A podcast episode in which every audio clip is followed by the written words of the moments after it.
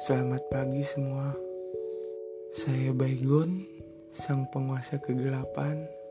Saya ingin membicarakan satu hal yang mungkin bisa membuat bumi dan seisinya terheran-heran kepada saya. Di pagi ini saya tidak perlu cemas lagi memikirkan satu makhluk bumi yang membuat saya tidak bisa tidur nyenyak untuk beberapa abad ke depan. Ya, karena saya sering merindukannya.